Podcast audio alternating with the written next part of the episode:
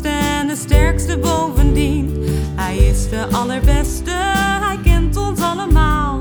Je bent voor hem de liefste, hij vindt je heel speciaal. Geest, zoon en vader, we kennen ze allemaal. Ze horen bij elkaar, dat is toch heel normaal. We noemen ze drie eenheid, drie en toch weer één.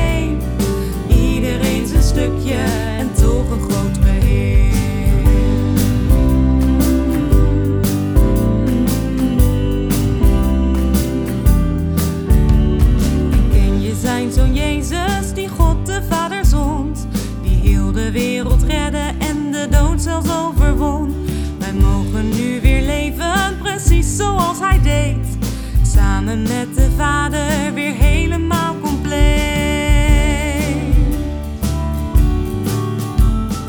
Geest, Zoon en Vader, we kennen ze allemaal.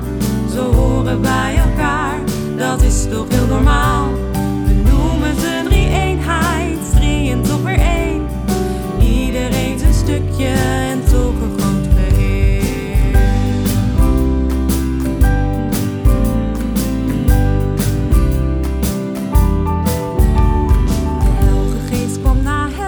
als trooster in zijn plaats.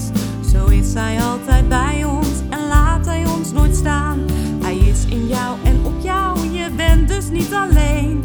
Hij zond zijn geest naar ons toe, die als wintervuur en vuur verscheen.